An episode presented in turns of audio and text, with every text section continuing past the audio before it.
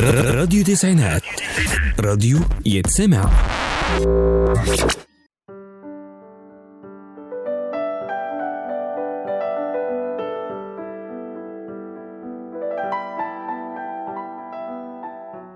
كلنا بنعشق الأفلام الأجنبية وبنتفرج عليها.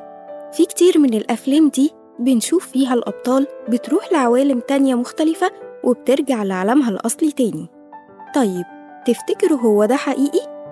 يا مساء الحماس والفضول على كل المتابعين معاكم على المايك لأول مرة هبة صلاح وبرنامج إندروفين على تسعينات إف إم عمرك كان عندك فضول تروح من مكان لمكان تاني ومن زمان لزمان تاني مختلف؟ طيب عمرك سمعت عن البوابات النجمية؟ ده إيه؟ هنعرفه دلوقتي البوابات النجمية دي بتكون عبارة عن بوابتين بيتفتحوا في نفس الوقت أو في نفس اللحظة في أماكن مختلفة وأبعاد تانية مختلفة من الكون. البوابات دي بتساعدك تنتقل من عالم لعالم تاني مختلف تماما عن اللي أنت عايش فيه. البوابة دي بيقولوا عليها إن هي نقطة الوصل بين عالم الإنس وعالم الجن. وكمان مش كل الناس بتقدر إن هي تستخدمها. البوابة دي بوابة طاقية وفيها أبعاد مختلفة أو مستويات بعدية مختلفة وعوالم تانية كتير جدا.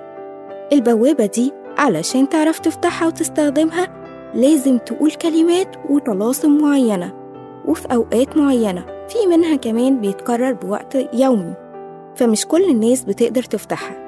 ناس بس بتكون طاقتهم عالية جدا ويقدروا إن هم ينتقلوا من البعد العادي بتاعنا البعد المادي لبعد تاني روحي اللي هو البعد الخامس.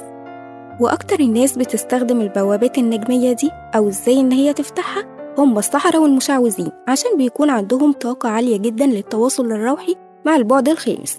وبيفضلوا يقولوا طلاسم كتير جدا وأوراد معينة علشان يفتحوا البوابة دي ويعرفوا يتواصلوا مع الجن. في اعتقاد بيقول إن البوابات النجمية دي اخترعوها القدماء علشان يستخدموها كممرات يتواصلوا بيها مع عوالم تانية ومجرات تانية بسهولة جدا وفي وقت قليل جدا في طرفة عين يعني. بيقولوا إن أول بوابة نجمية اكتشفوها كان عمرها خمسين مليون سنة. والبوابات دي بيسموها حلقة الإله أو حلقة الأسلاف أو بوابة النجوم. أول وأهم بوابة نجمية كانت البوابة النجمية الفرعونية.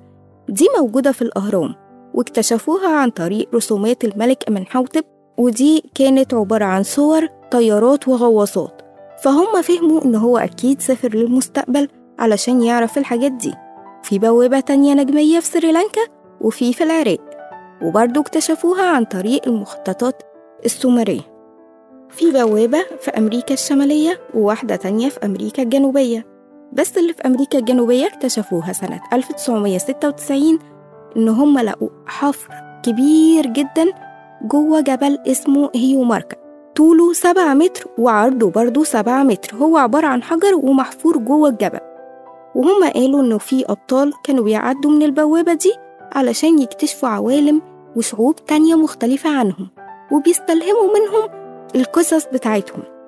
ومش بس كده لأ كمان زي ما في بوابات نجمية على سطح الأرض في بوابات نجمية في البحر أو في المحيطات زي وأشهرها مثلث برمودا.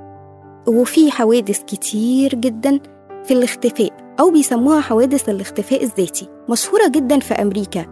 وبيقولوا إن الحوادث دي بتحصل إن في شخص بيعدي من بوابة نجمية مفتوحة من غير ما يقصد.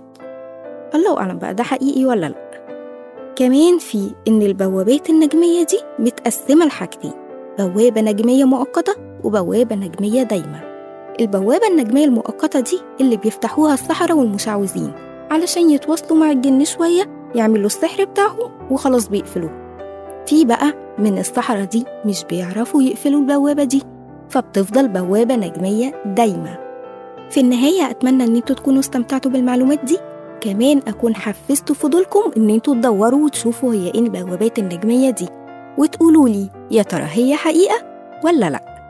كانت معاكم على المايك هبة صلاح وبرنامج اندروفين على تسعينات إف إم.